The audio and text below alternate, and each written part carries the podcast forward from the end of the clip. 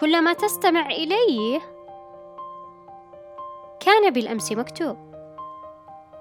أعلم بأنك اعتدت على سماع تلك الجملة في الكثير من المواقع وبل تتلقاها أحيانا حينما ينصحك ذلك الشخص المحب لك حتى تبتعد عن التفكير السلبي. لكن دعني أوضح لك ذلك بشكل أعمق. عبر قصة كنا نسمعها في صغرنا.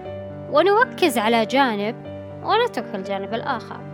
يتبادر إلى ذهننا حينما نسمع قصة النبي يوسف عليه السلام التي بدأت بحلم واختتمت بتحقيق هذا الحلم.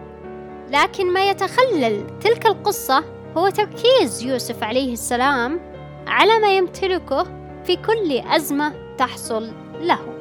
وهنا نتذكر بأنه حينما بيع كعبد في السابع عشر من عمره لم يحمل الشفقة المهلكة للنفس على وضعه بل بادر بالتركيز على ما يملك من صفات حتى أصبح يدير منزل العزيز وبالتالي أصبح الحامي لكنوزه. ومن السهل دائما حينما تمر بك مصيبة أن تلقي اللوم على الآخرين والظروف. ولكن من الصعب أن نبادر بالتركيز على ما نملك من صفات وعلى شخصياتنا فأنت المسؤول الأول والدائم عن حياتك.